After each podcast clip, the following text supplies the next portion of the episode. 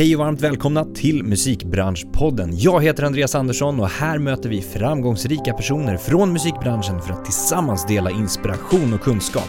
Musikbranschpodden produceras av DMG Education, musikbranschens digitala kunskapsarena med kurser, utbildningar och coachning för dig som vill utveckla din karriär. I dagens avsnitt träffar jag Amanda Kiflay som precis innan avsnittet släpptes jobbade som A&R på Sony Music Publishing, något som hon har gjort under de fyra senaste åren.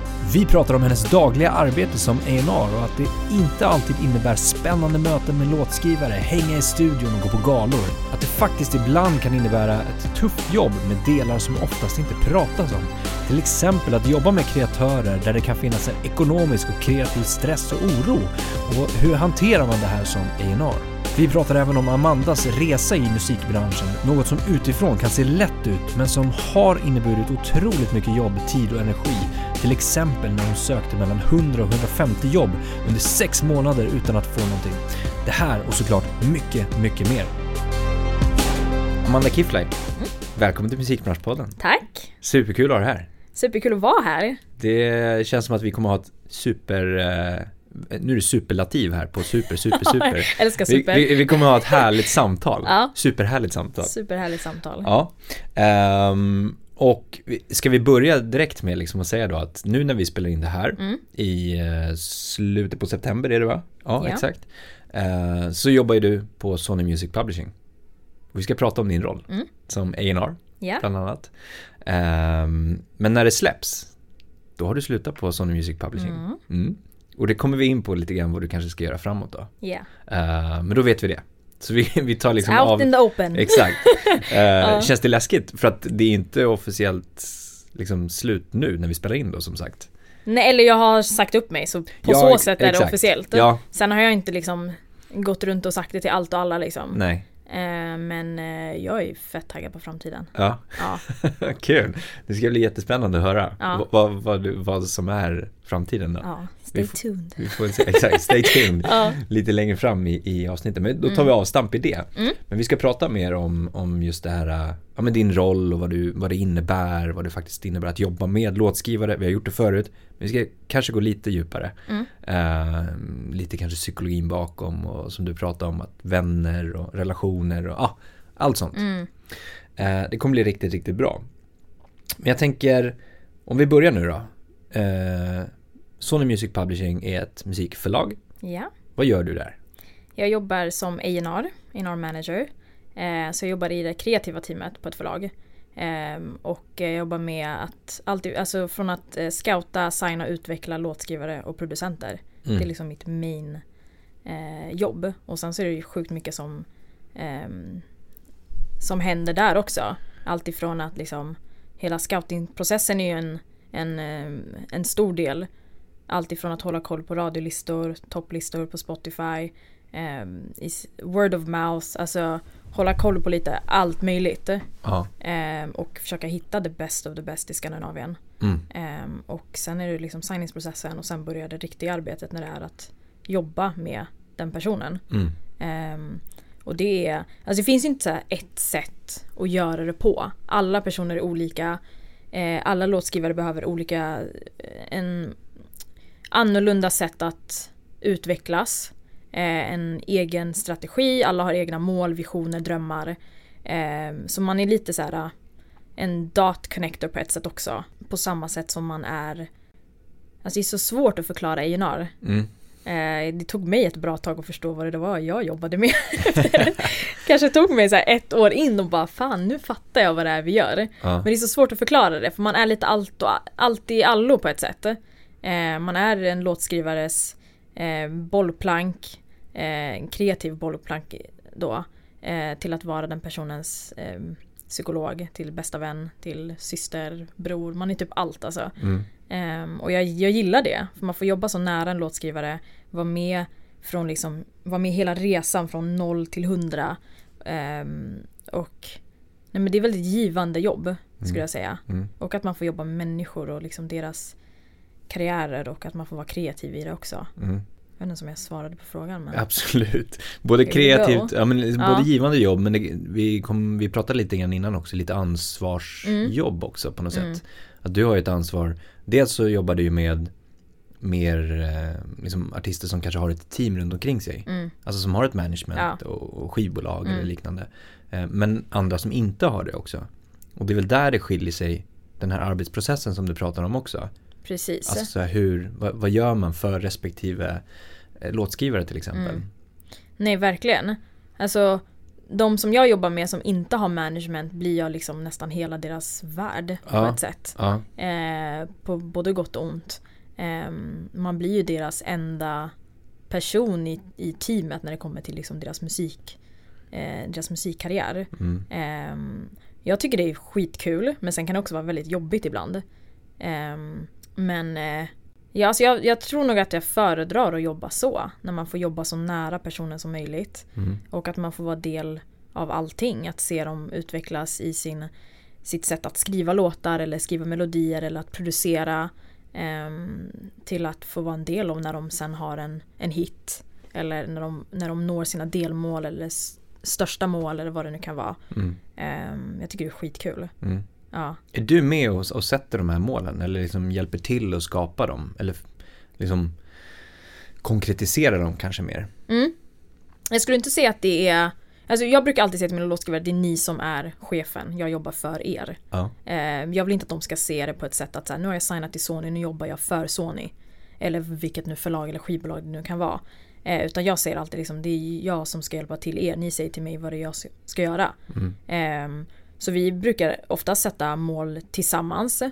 Eh, självklart det är deras mål. mm, Ehm, och så hjälper jag till med vad det är jag kan hjälpa. Är det så att de vill en dag in med den här personen i en session. ehm, då är det mitt jobb att se till att jag lär känna de där personerna som sitter på det projektet. Ehm, för att kunna sätta en session eller vad det kan. Det kan vara högt och lågt. Mm. Jag, vill ha, jag vill att en av mina låtar ska eh, eh, pitchas till den här eller den här. Eller placeras av den här den här.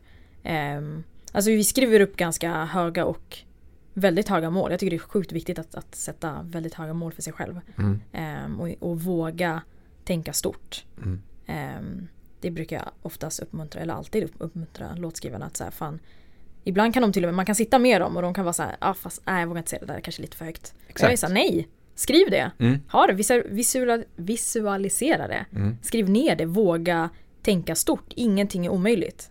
Sen är väl frågan bara när. Det är väl det enda man inte vet. När kommer det där hända? Men är det något man vill göra så ska man våga sikta på det. mm, Ehm, så vi sitter väl och skriver mål ihop. Allt ifrån att det här är de jag vill jobba med. Jag vill ha en placering med det här och det här. Jag vill ha en, ehm, en etta på Spotify eller en radioetta. Jag vill ha en billboard.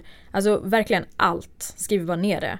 Och sen så delar vi upp, okej vad kan vi göra inom det första halvåret? Vad kan vi göra inom, inom ett år?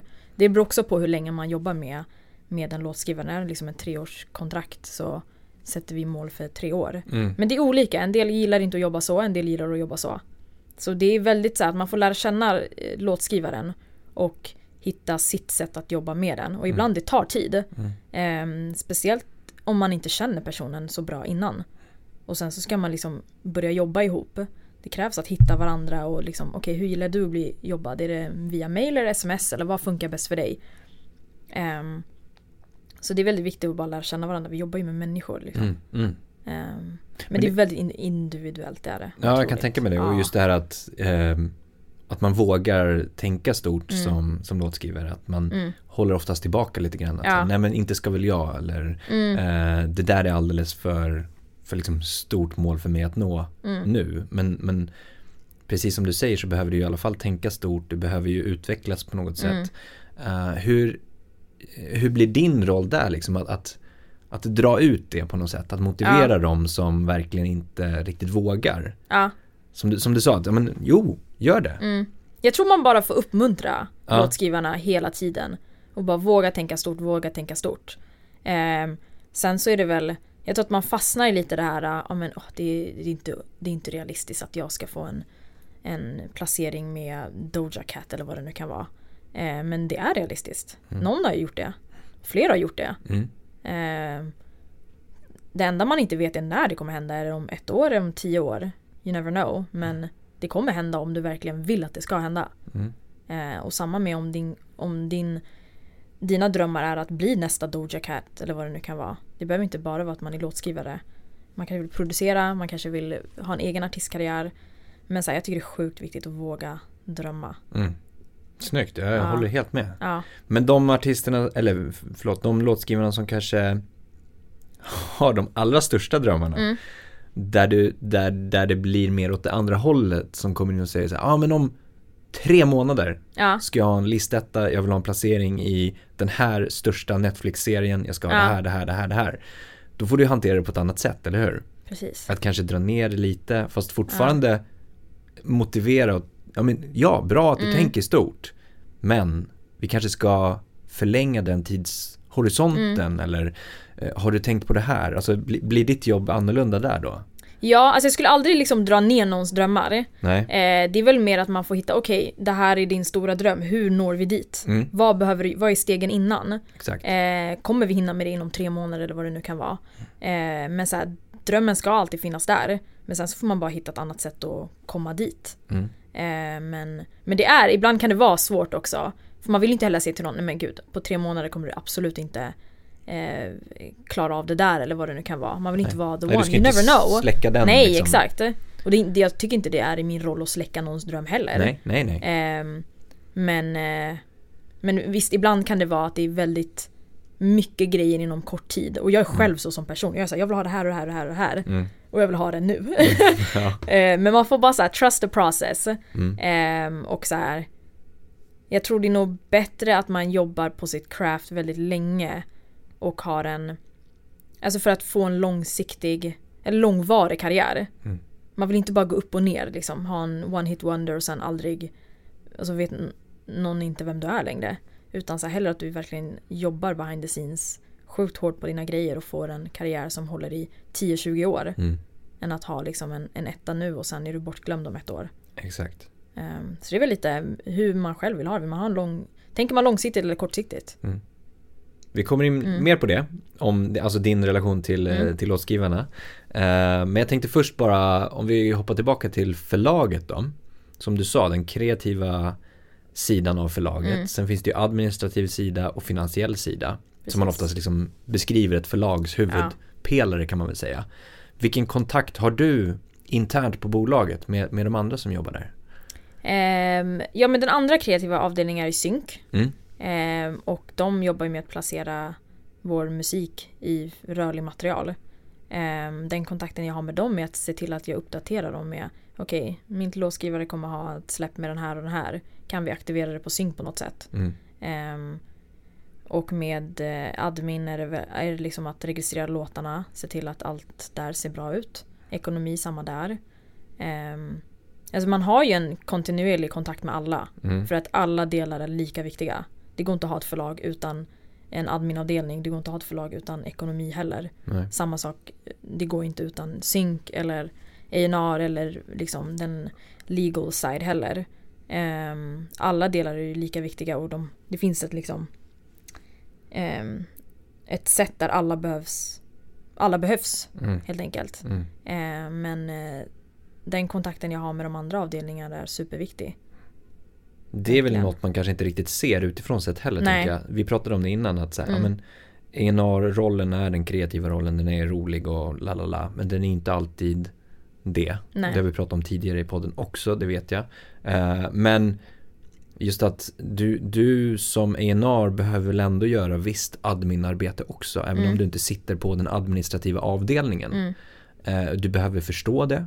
Du behöver väl förs- ha en förståelse för den ekonomiska sidan också, Mm. den finansiella. För att kunna kommunicera med låtskrivaren till Exakt. exempel. För att det är du som ska förmedla det Mm. på något sätt då.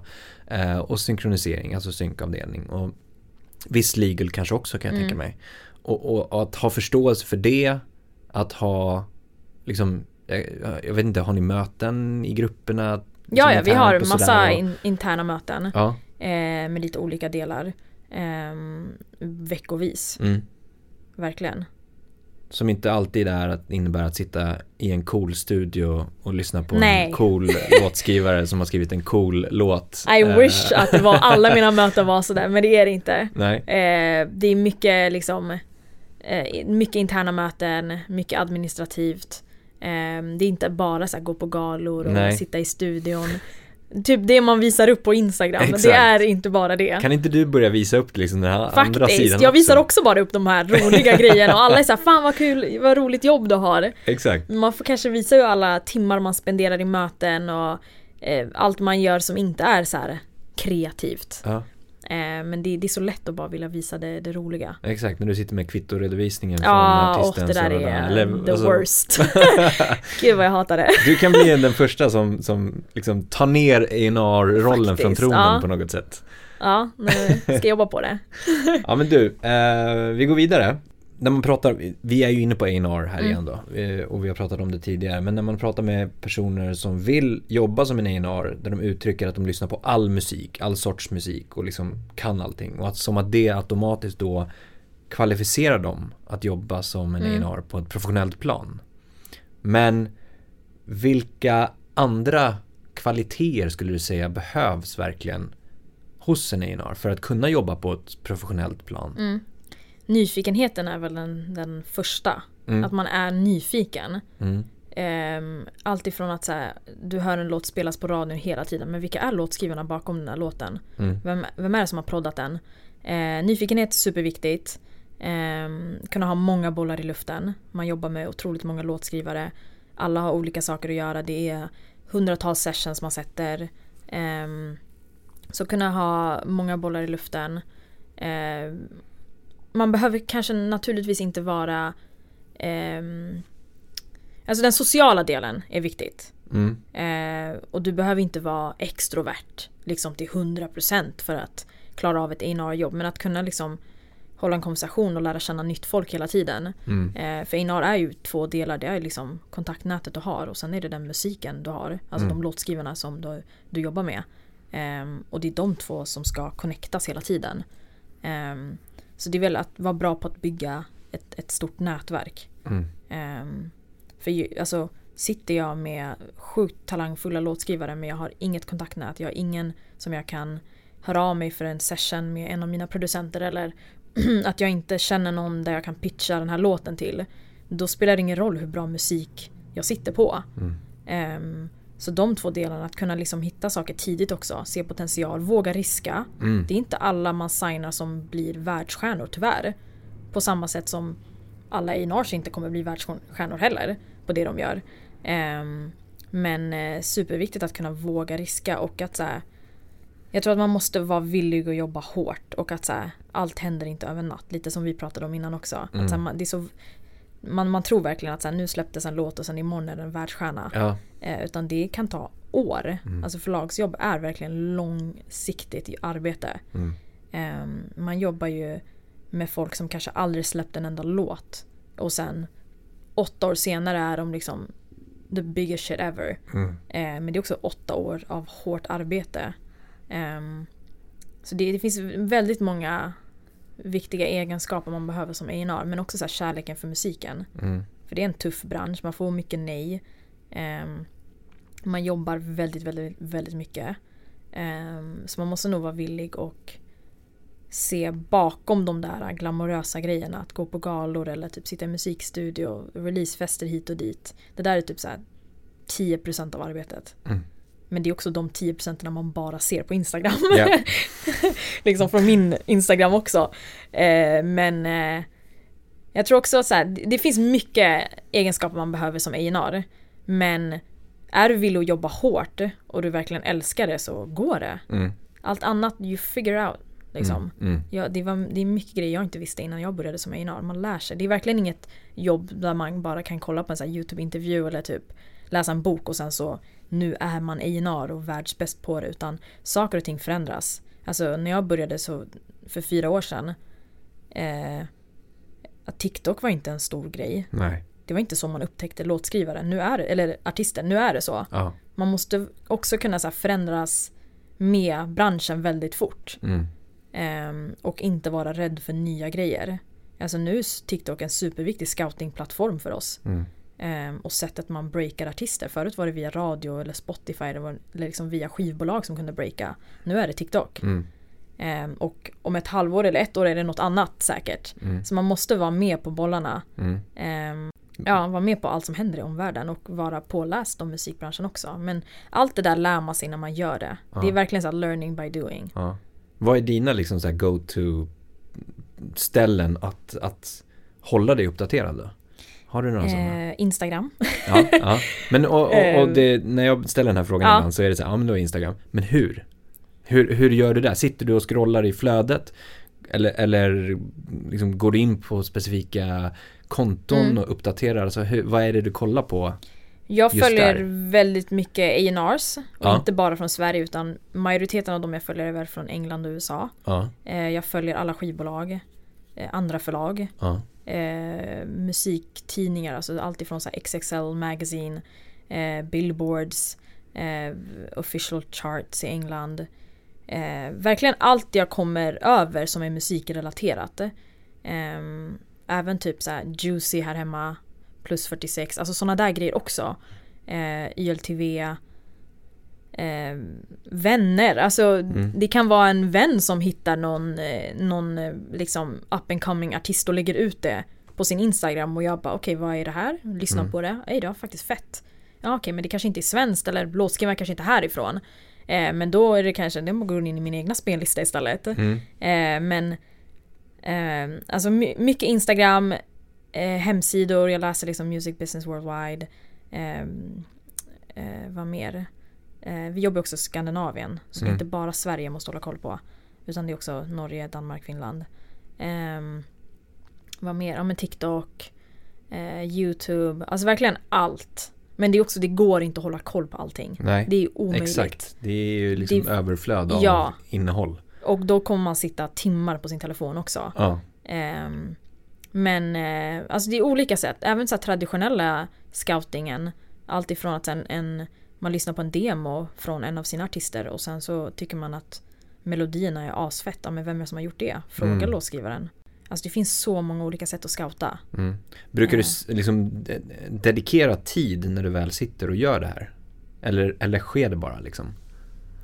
Det beror på. Alltså jag kan sitta en söndagkväll och bara scrolla och så kommer jag över någonting som också kan bli jobbrelaterat. Ja, Ehm, och sen så har vi liksom scout, scoutingmöten eh, där vi går igenom allting tillsammans. Mm. Eller så här, kom, kommer med allting vi har kollat genom veckan. Ehm, men i- det är det som är så här, i och med att det här jobbet blir lite flummigt för att jag lyssnar på musik i min fritid Mm. men mitt jobb är också musik. Så Mm. när jag kanske lyssnar på en låt hemma och inte alls är i jobbmode så kanske jag bara kollar credits ändå. ja, Bara för att så här, det sitter i hjärnan. Ja. Kolla credits och bara, ja men fan det här var ändå en fet produktion. Och Ja. den här producenten, jag har aldrig hört talas om honom eller henne. Ehm, och så tar man med sig det till scoutingmötet. ja, Så det, det är också så svårt att stänga av jobbet på ett sätt för att för min fritid också innebär musik. Jag går på spelningar på min egna fritid och lyssnar på folk som jag gillar som Mm. kanske inte är jobbrelaterat. Men sen kanske man tänker, ah fan, min producent borde jobba med han eller henne. Mm. Ehm, och då blir det jobbrelaterat. Ja. Ehm, Men men, när du väl kommer över en sån, Mm. liksom, sitter, säg att du sitter på söndagskvällen och scrollar igenom Ja. och så bara, ah shit det här var bra, du går in på Spotify, lyssnar, kollar på credits. Skriver du ner namnet Mm. då och Mm. tar vidare liksom? ja, Som att, ja men då sparar vi den här, det här är, Ja, jag kan alltid från en screenshot eller skriva, skicka ett mail till mig själv eller bara Ja. skriva in mitt do notes. ja, Ehm, och sen ta med det till antingen scoutingmöte eller så kollar jag upp personen själv bara. ja, Och bara shit fan, han eller hon är förlagsfri till och med. Ja men det här är låt oss höra av oss till den personen. ja, Alltså det kan verkligen vara på hundra olika sätt. Eller att någon hör av sig till oss också. mm, Ehm, allt via liksom mail eller DM eller via en kompis eller vad det nu kan vara. Och Mm. bara hej jag är låtskrivare, jag söker förlag, kan vi ta ett möte? mm, Ehm, så det är på sjukt olika sätt. ja, ja. Ja, Men eller det en, finns, ja, då finns det fortfarande ett system på något sätt. Alltså, eller inte ett system, men, men någon, någon slags liksom att arbetssättet har vissa moment som Mm. du tar vidare till liksom. Mm. Men säg de här scoutingmötena då, om ni kommer överens om att ja, men, vi ska kolla upp, ja ta vidare det där, Mm. eller ta vidare det, ta vidare det. Är det, är det så det går till eller är det Ja. som att du skulle kunna kontakta någon av de här låtskrivarna innan och komma till ett scoutingmöte och säga jag har redan kontakt, vi har träffats på en fika Ja, ja, och, gud, ja. och så. ja ja, nej men så verkligen. du har ju den, vad ska man säga, befogenheten eller ja, liksom, ja, gud ja, alla springer på sina egna bollar på Ja, något sätt. exakt. Det måste man kunna göra. Ehm, och alla hos oss i alla fall på vår egen avdelning lyssnar ju på så sjukt olika typer av musik så alla Mm. har ju koll på sin egna grej. Samtidigt som vi också måste hålla koll på det mer mainstreama även fast vi kanske personligen inte lyssnar på så här svensk pop på Mm. min fritid så måste jag ändå hålla koll på det. Mm. Ehm, men, eh, men jo, definitivt. Alltså att man, man får springa på sina egna bollar. Och, eh, och vem vet, kanske den, någon i teamet kanske redan känner den managern eller, hörde av, Ja. eller redan hört av sig för några år sedan. När det Mm. inte fanns någonting. Ehm, så det, det sker på så sjukt olika sätt. Mm. Det finns typ inte en så här, så här händer det alltid. Nej, Precis som en art- artistkarriär inte händer på samma sätt. nej.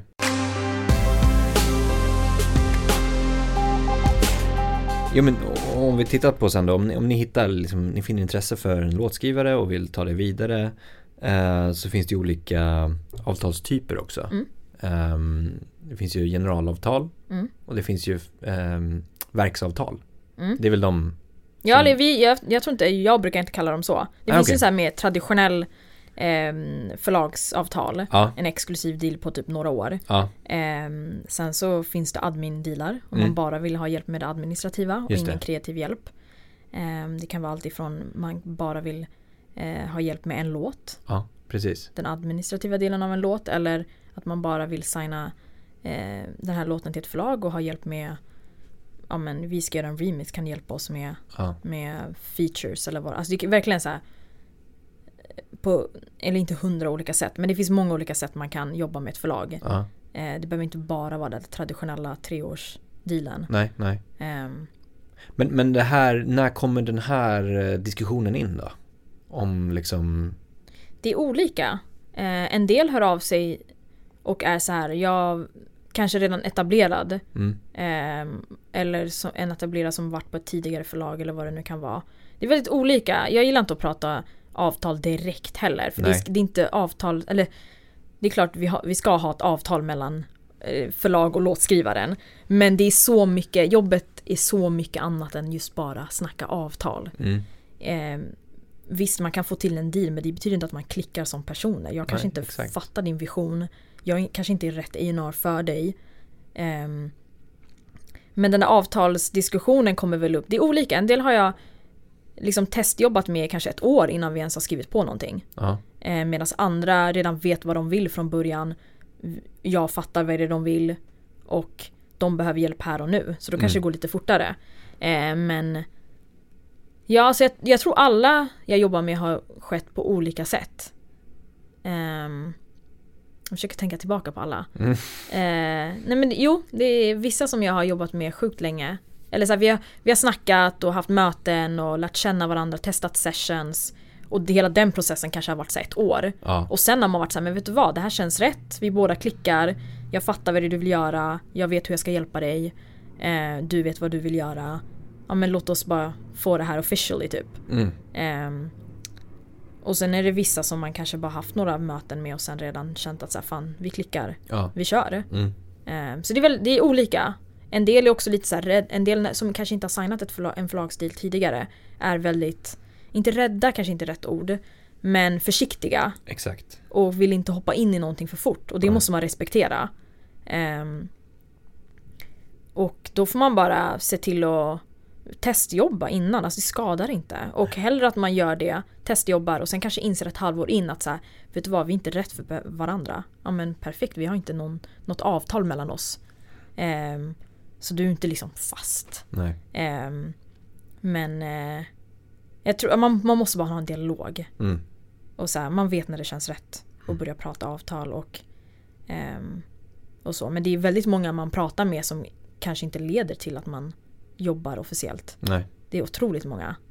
Ehm, ja, majoriteten av alla jag pratat med slutar inte i en, i en deal. nej, Eh, och så är det. mm, mm, Och det kan vara, det är inte så här, ja jag vill inte signa dig. Det behöver inte alltid vara så. De kanske känner, vet du vad, jag behöver inte förlag just nu.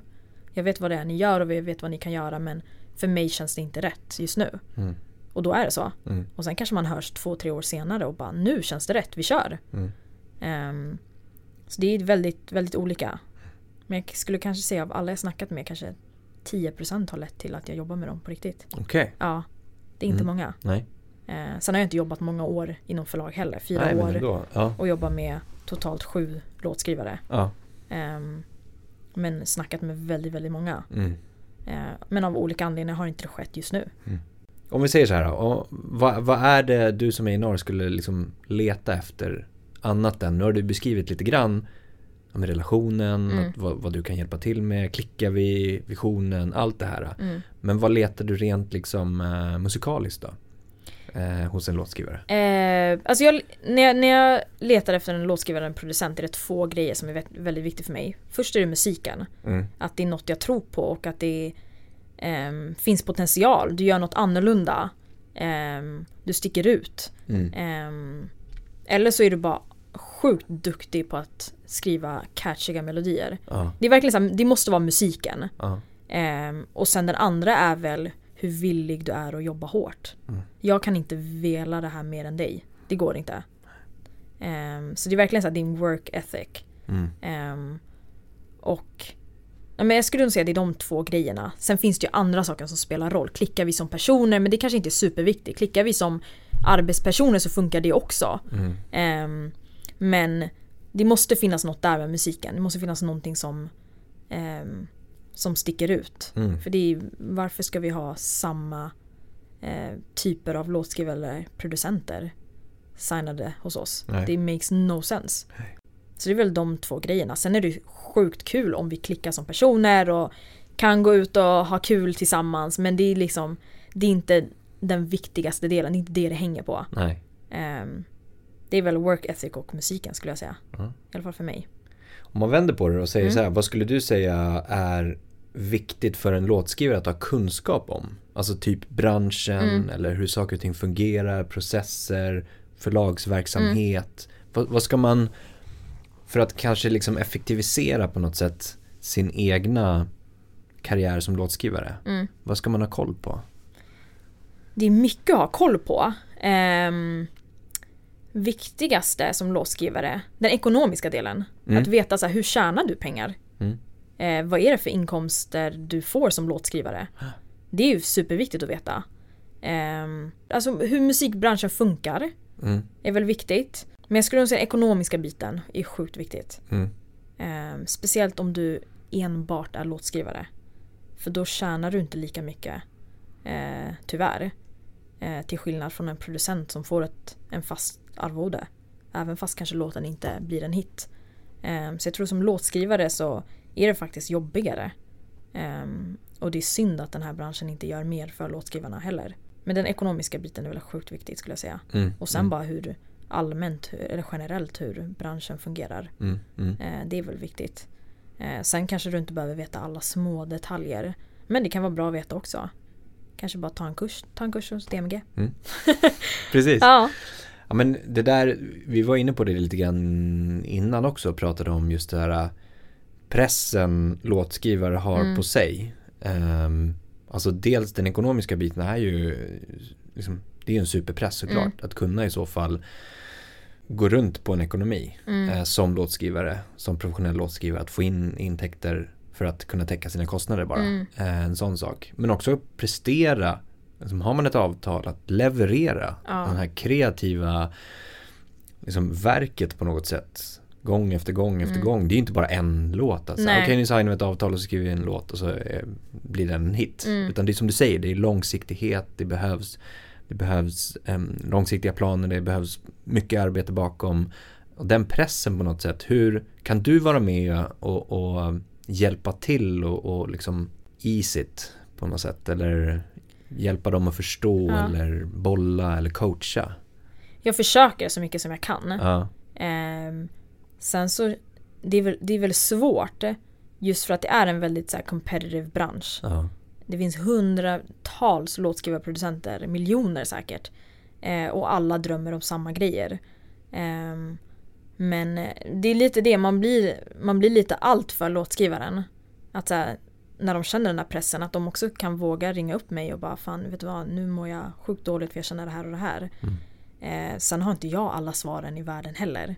Man dealar väl med sin egna press på sig själv också. Exakt. Att vara den bästa A&R'n för den här låtskrivaren. mm, Ehm, men eh, jag tror det är bara viktigt att man bara pratar om det. mm, Eh, för man vet aldrig liksom, man kanske inte vill, man kanske inte vågar lyfta det med sin egen men lyfter med en annan låtskrivare. mm, Eller lyfter med en vän eller bara någon och bara Mm. prata ut om det. Men det är en tuff bransch. Det är det. Mm. Ehm, och förr eller senare kommer man verkligen komma dit där man känner så här, fan, ingenting händer.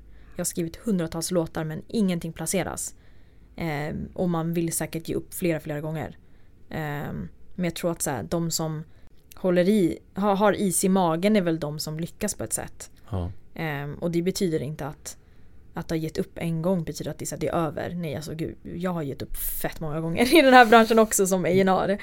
Men jag tror sen när man tar sig upp på, på bollen igen. Det är väl det som är det viktigaste att man också vågar säga nej men nu, nu har jag gett upp, nu är jag en liten funk men ah, fan det här kommer gå ändå, vi, vi kör på. Mm. Men det är tufft, jag vet inte riktigt vad svaret är på den frågan. Men kan du känna att du har, alltså just det här kring välmåendet liksom, att Mm. det drabbar, alltså ekonomisk press och kreativ press Mm. eh, drabbar välmåendet hos en, en låtskrivare kanske. Mm. Att du känner att det inte spiller över på dig, men, men någonstans så har ju du relationen med de här eh, sju låtskrivarna Mm. och säg att de ringer och säger det att nu mår jag piss, det här, jag Mm. har ångest för det här eller jag, jag är superorolig för om det här ska bli en hit eller Mm. inte och jag har inga pengar. Alltså Ja.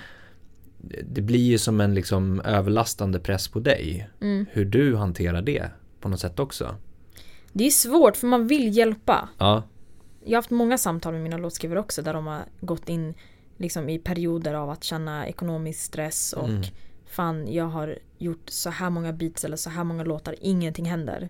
Eh, och det är inte att vi inte gör någonting. Eh, det är mer att så här, man, man pitchar och pitchar och pitchar men ingenting placeras. Ehm, och det kan vara allt ifrån att det kanske inte låter så bra som man, man själv tycker.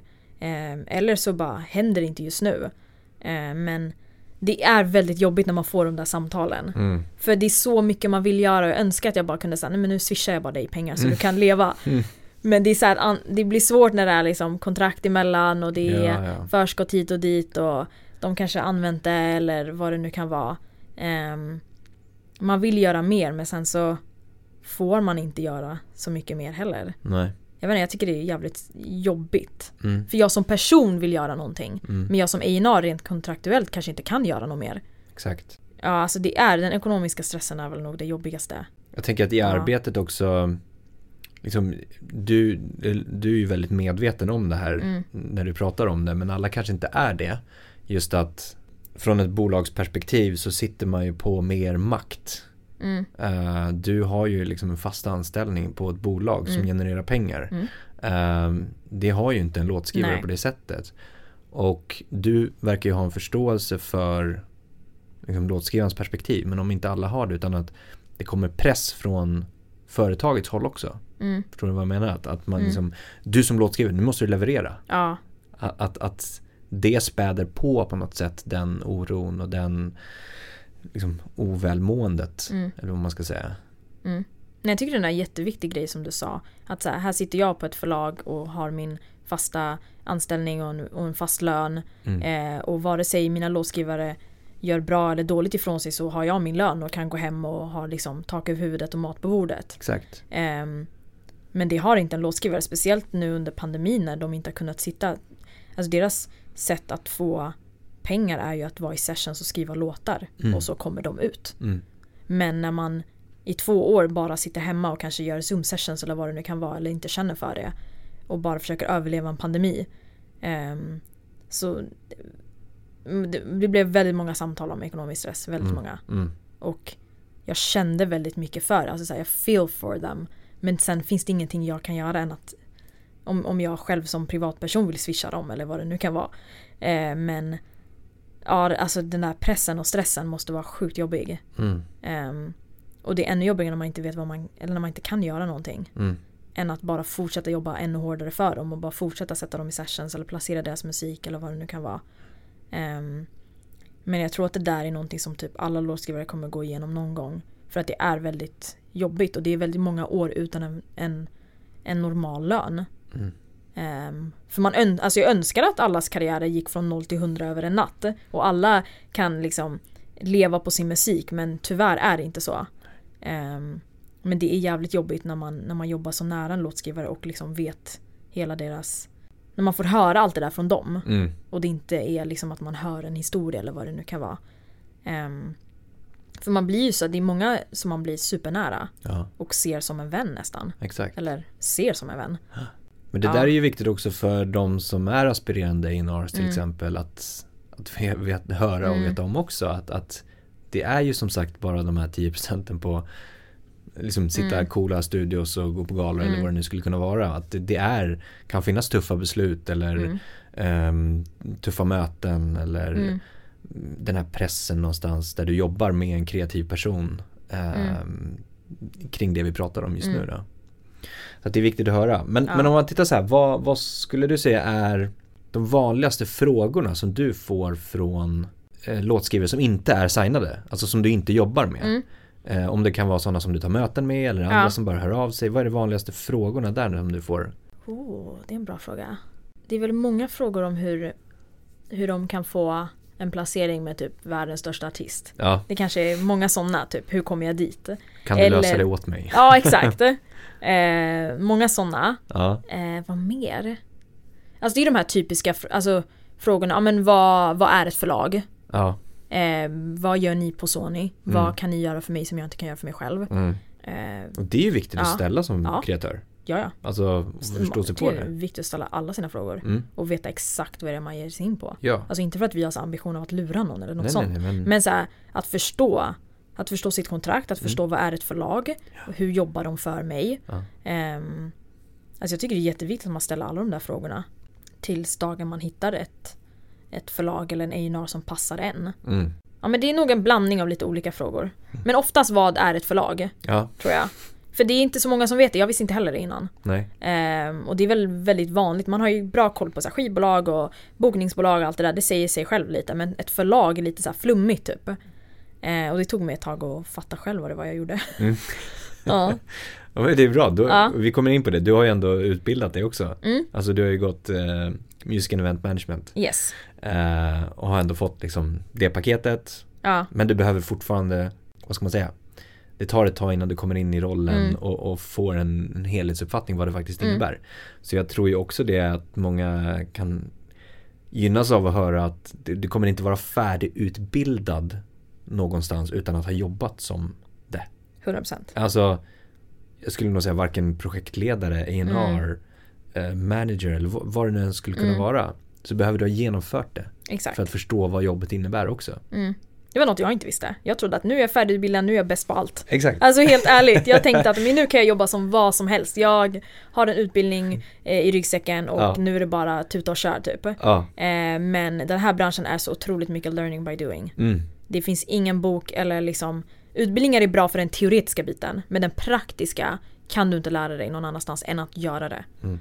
Ehm, och jag tror att så här, min bild av hur jobben eller så här, rollerna och branschen var är ju natt och dag till det jag eh, jobbar med idag. Va, hade du någon så här superglamorös bild av det? Ja, gud ja. ja. Eh, men också att så här, att det inte var så socialt.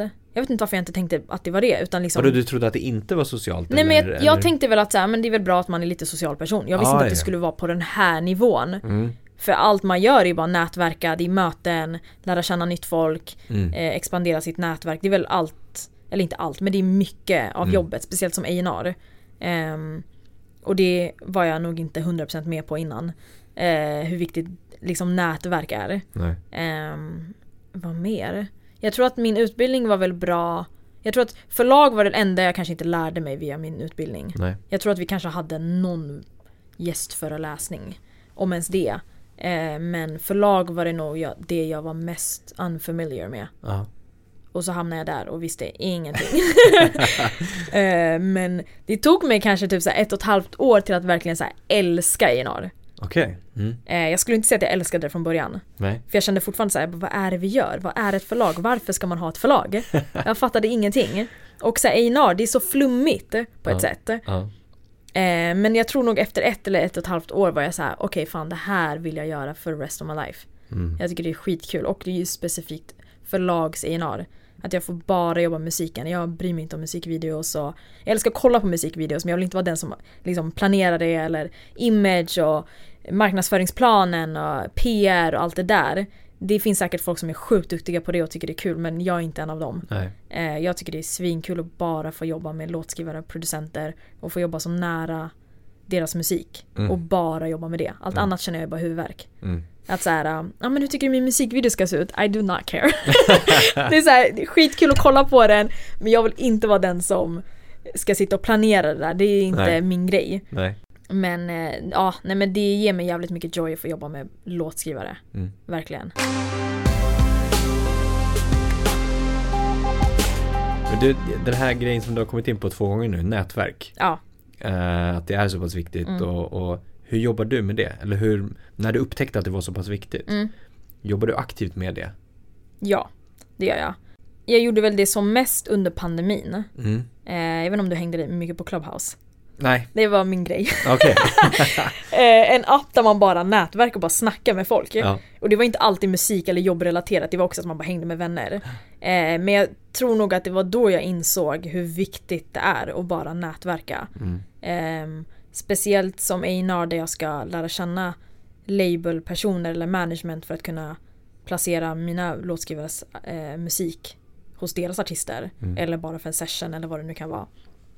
Ehm, så jag har väl jobbat väldigt aktivt med att eh, öka mitt nätverk. Mm. Eh, och det gör man väl på olika sätt. Det behöver inte alltid bara vara ehm, Alltså det finns många man bara snackar om livet med och sen så bara ah shit du jobbar också med musik. Ja Mm. men fan fett.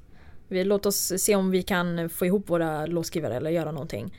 Ehm, det behöver inte alltid vara så stelt. Nej. Ehm, eller så strategiskt heller. Att säga okej de här tre måste jag lära känna eh, för att få det här och det här. Det behöver inte alltid bara vara så ge och ta grej. Nej. Ehm, men att bara så här, lära känna och vara nyfiken på folk och Ja, alltså jag tror man får hitta sitt egna lilla sätt och, och, och öka sitt nätverk. Jag tror det var en gång jag lyssnade på jag lyssnade på någon podcast med Scooter Braun Mm. ehm, som är väldigt stor manager för liksom Ariana Grande och Justin Bieber och allt det där. Och han var väl den som fick mig att skifta sättet jag tänkte att man skulle nätverka på. Ehm, han sa att när han vann den här eh, Forbes 30 under 30, jag tror han, han fick det samma, samma år som eh, Daniel Ek från Spotify. Ehm, och då sa han att så här, hela det, jag vet inte om det var någon som sa det till honom eller om han kom på det själv. Men då sa han i alla fall att han, hans sätt att nätverka hade alltid varit att han vill lära känna dem ovanför honom. Eller de Mm. som är liksom två, tre steg över honom. Och när han vann den där så, tänk, så tror jag att han tänkte om och förklarade hur viktigt det är att nätverka med folk från sin egna generation eller liksom Exakt. horisontellt eller vad man ska, nu ska säga. Ehm, och det blev en liten lightbulb i mitt huvud bara. Ah shit fan det är sant. Varför sitter jag här och försöker nätverka med the president of Atlantic i USA? Eller vad det nu kan vara. När jag egentligen borde lära känna folk i min egna ålder eller på min egna nivå. Mm. Ehm, och låta oss växa ihop. Eller så växa Exakt. tillsammans. För sen om tio år är det vi som är bossarna på skivbolagen eller förlagen. Ja. Ehm, och då känner man redan varandra. Mm. Ehm, så jag tror efter, efter den podcasten var jag såhär, okej, okay, nu vet jag, nu liksom måste jag tänka om på mitt sätt att nätverka. Ehm, och liksom höra av sig till folk. Alltså man får våga också. Jag, jag är väldigt såhär DMare. Mm. Jag DMar bara folk och bara såhär, fan det ser, jag har följt det ett tag, du ser ascool ut, kan inte vi bara ta en kaffe? Ehm, eller bara ett videosamtal. Mm. Eh, jag, är, in- jag är inte rädd för att höra av mig till någon. Ehm, och eh, ja, man får hitta sitt sätt tror jag. Mm. Alltså helt rätt med liksom just att, att inte sikta att träffa alla som är över en Mm. i någon slags hierarki eller vad man nu Mm. ska säga. Eh, för det är precis som du säger att alltså de du känner nu eller de, de som kommer efter dig eller Mm. de som pluggar nu efter dig Mm. på alla olika utbildningar. Det är de som kommer komma upp och vara i din position sen och så kommer Exakt. du helt plötsligt vara chef eller ledare. Ehm, och liksom att, att ha den relationen det är samma sak med alltså långsiktigheten där också. Mm. Alltså inte nätverka för att ha någonting imorgon eller nästa vecka eller shit nu har vi en release eh, senare i höst. Mm. Då måste jag träffa den, den, den, den, den, den. Mm. Utan precis lite egentligen lite planlöst ibland också Ja. bara. Träffas. Exakt, det behöver inte vara mer än så. Bara Men- träffas och kanske bara prata om hur du kom in i branschen. Ja, exakt. Det behöver inte alltid vara så här, vad kan du göra för mig? Nej. Och de här DMs då, när du, när du skriver Mm. dem, eh, du är en cool person. Ja. Vad, vad, vad får du som svar oftast? Alltså jag får oftast Jag trodde att så här, men fan den här personen har typ 10 000 följare, den får säkert en miljon DMs hela tiden, den kommer inte se mig. Lilla Amanda från Sverige typ. För jag hör oftast av mig till folk utomlands. Ja. Ehm, Men det är rätt många som svarar och är såhär ah, asfett typ, låt oss hoppa på ett zoom-call eller någonting. Ja. Eh, eller typ så ah, här är min mailadress, skicka gärna vilka det är du jobbar med. Mm. Alltså det kan vara hur som helst.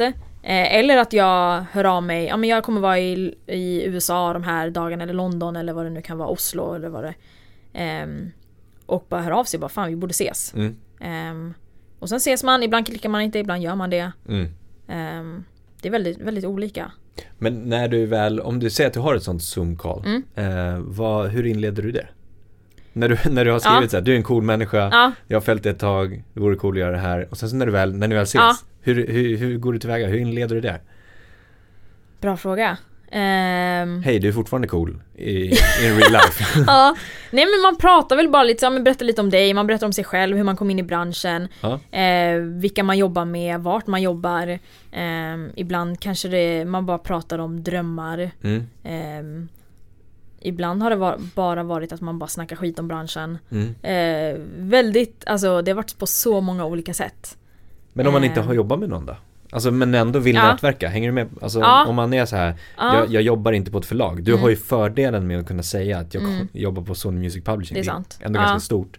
Um, säg att du inte skulle göra det. Skulle, hur skulle du approacha det?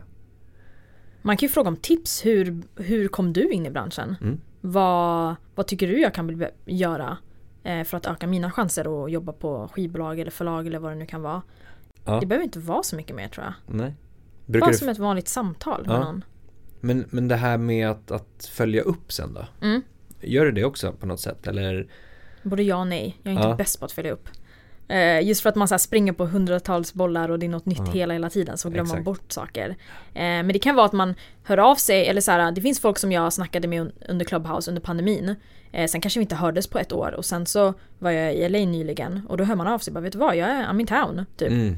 Let's catch up. Mm. Och så gör man det. Mm. Ehm, men det kan ha, ibland har det varit så att man har blivit bra, genuint bra vänner. Mm. Och liksom så här, hör, hör av sig hela tiden. Ibland kan det vara att man inte hörs Nej. efter det där introsamtalet. Ehm, på samma sätt som att man kan träffa någon på en releasefest och sen bara Ja, nu, nu, nu träffades man men man kanske inte ses Man kanske ses två år senare. Mm. Alltså Man träffar så otroligt mycket folk att det, så, det nog blir svårt att hålla koll på alla. Mm. Eh, och så behöver man inte hålla koll på alla heller tror jag inte. Nej. Ja. Bra.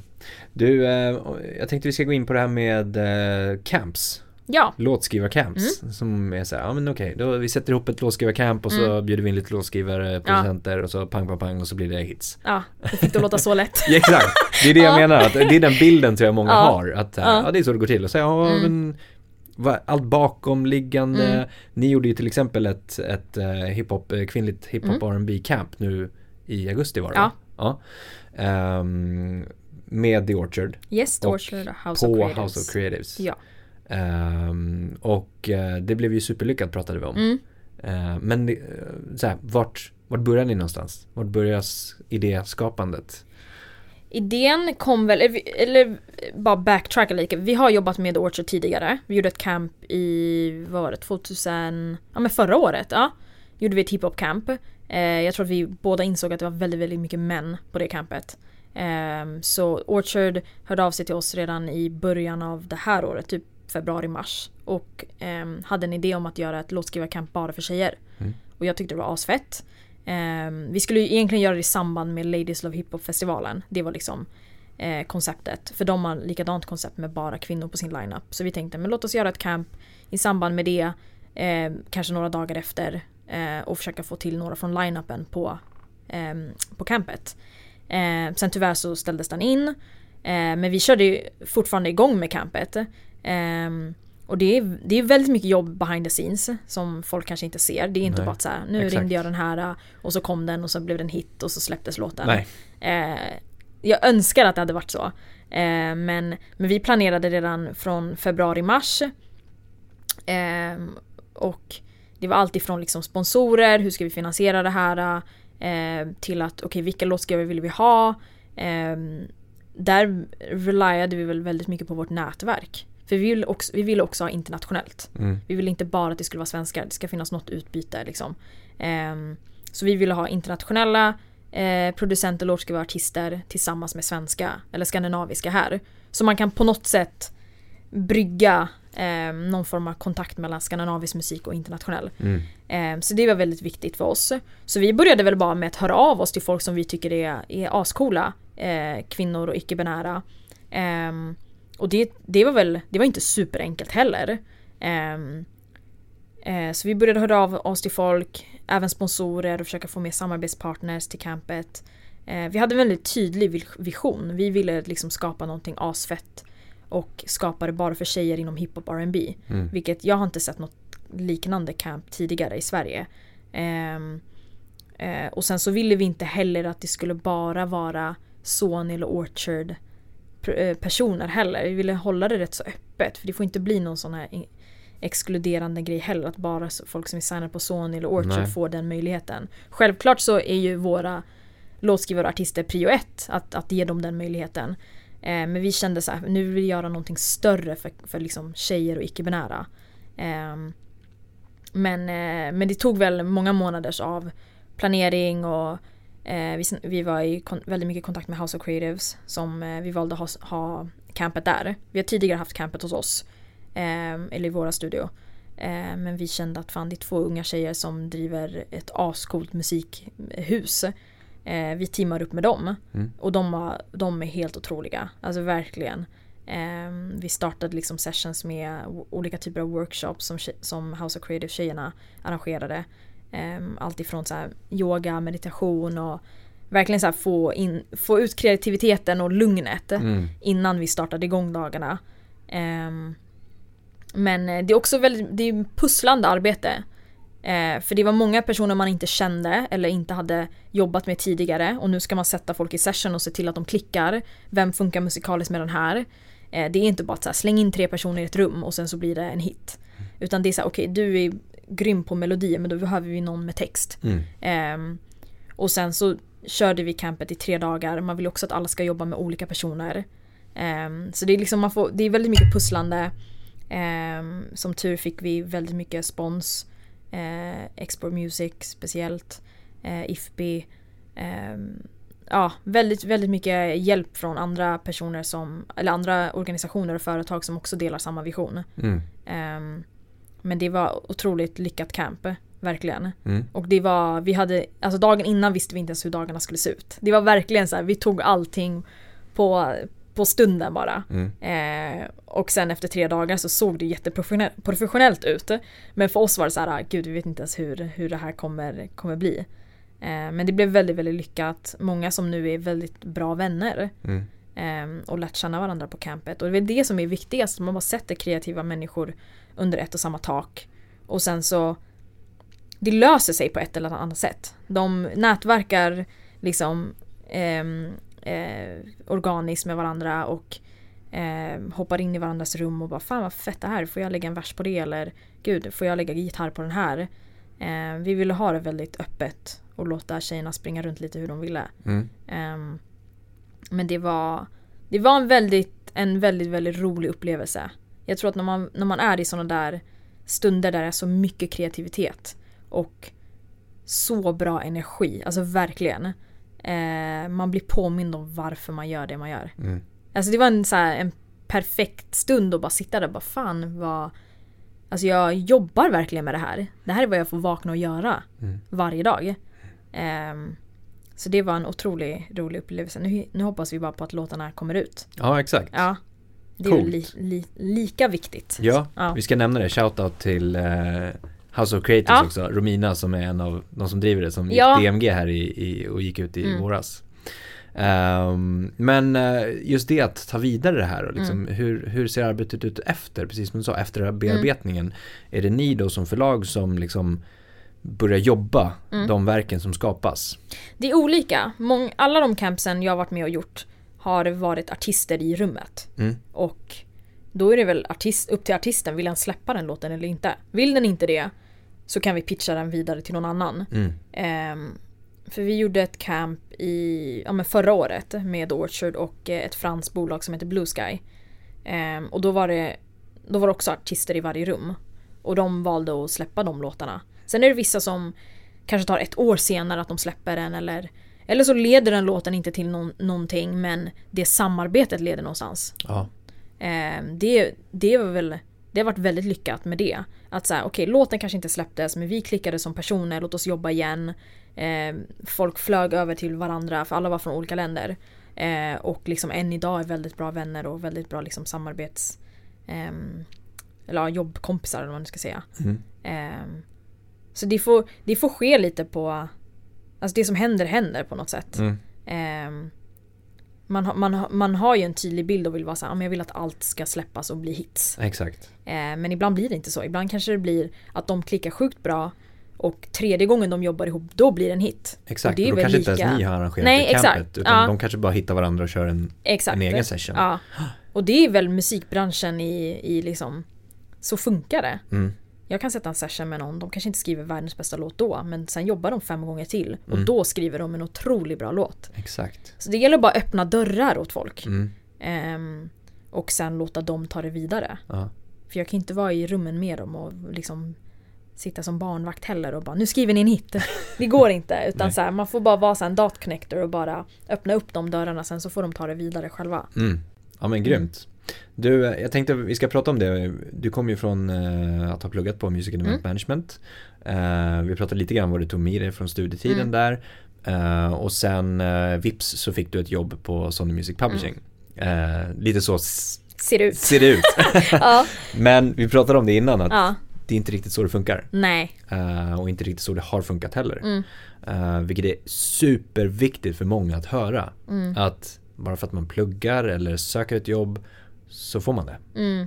Hur gick det till? Inte sådär.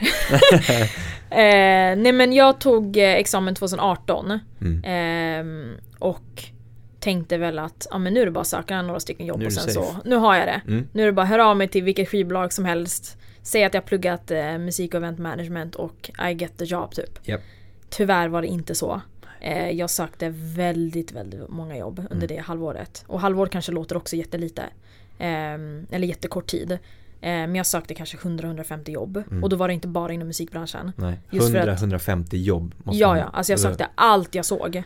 Ehm, och det var allt ifrån så här, ekonomi till lager, ICA. Eh, alltså verkligen så här, det var så många gånger som jag gav upp på musikgrejen. Mm. Att jag var så här, vet du vad, nu har jag sökt så här många jobb.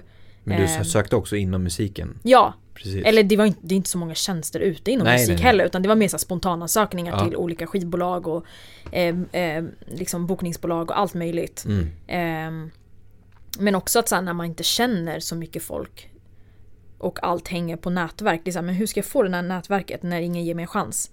Och hur ska jag kunna ha tre års erfarenhet för att få det här jobbet när ingen ger mig erfarenheten? Så man sitter bara i någon så här äh, ond cirkel och bara jag kan inte göra det där för jag inte har det där och det där går inte heller för det där. Mm. Ehm, och jag tror inte att jag hörde så mycket folk eh, inom musik. Allt, det lät verkligen som att alla bara tog en utbildning, fick ett jobb Mm. och sen så där ja, så startade deras karriär.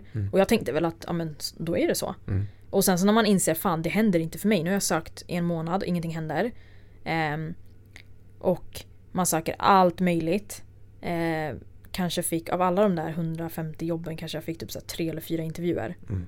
Ehm, och sen så börjar man se liksom folk man pluggade med få jobb och man tänker vad fan är fel på mig då? Varför kan inte jag få ett jobb? Mm. Ehm, det var väldigt många gånger jag gav upp. Alltså väldigt, väldigt många gånger. Ehm, och jag önskar att jag hade hört det här samtalet innan.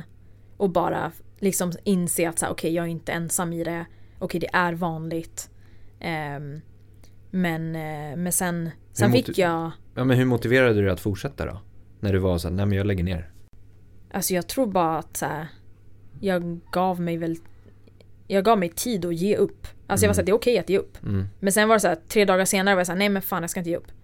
Eh, sen kanske jag ger upp igen och så två månader senare bara, nej men nej, nu är jag tillbaka. Mm.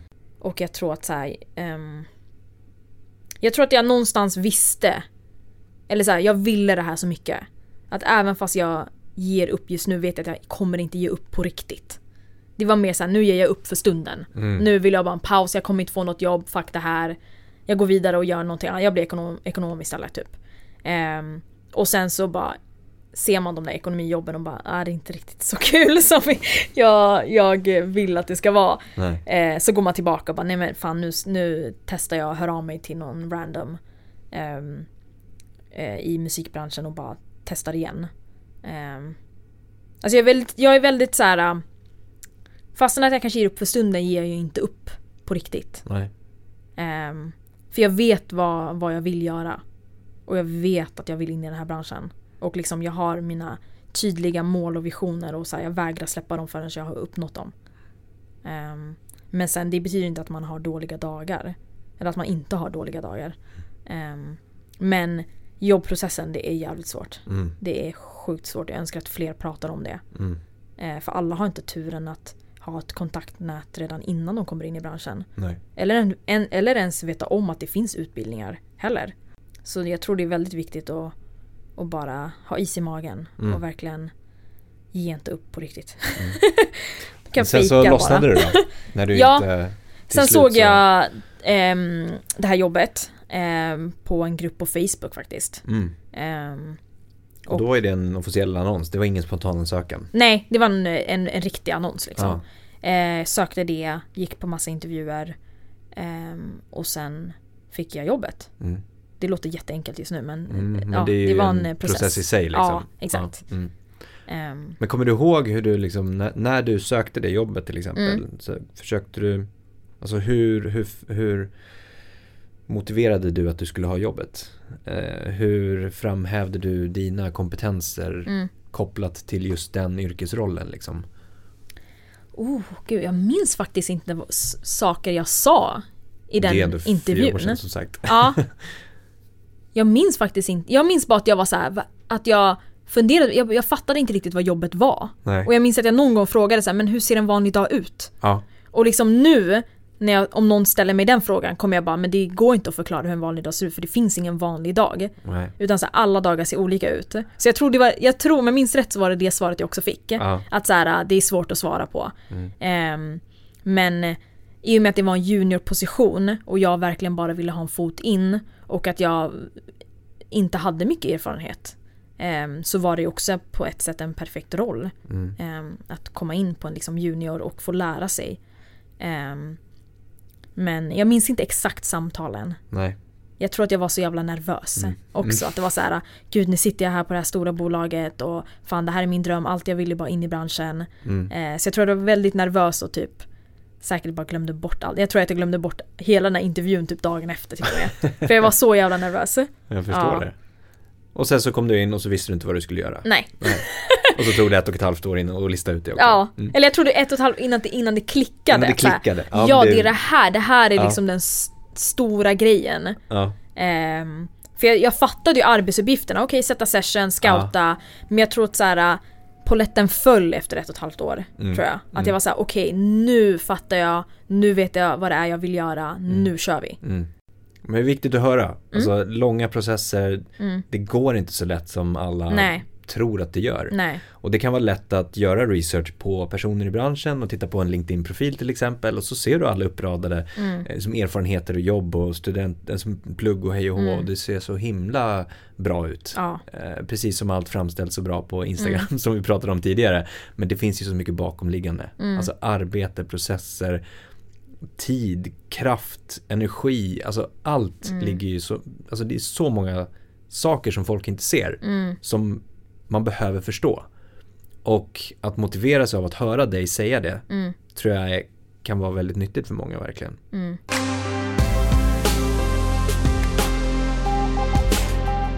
När det här avsnittet släpps så um, är du på väg till London, kan man nästan säga. Ja, Du, du, Typ. ska, du ska testa vingarna, eller vad, Mm. vad ska man säga?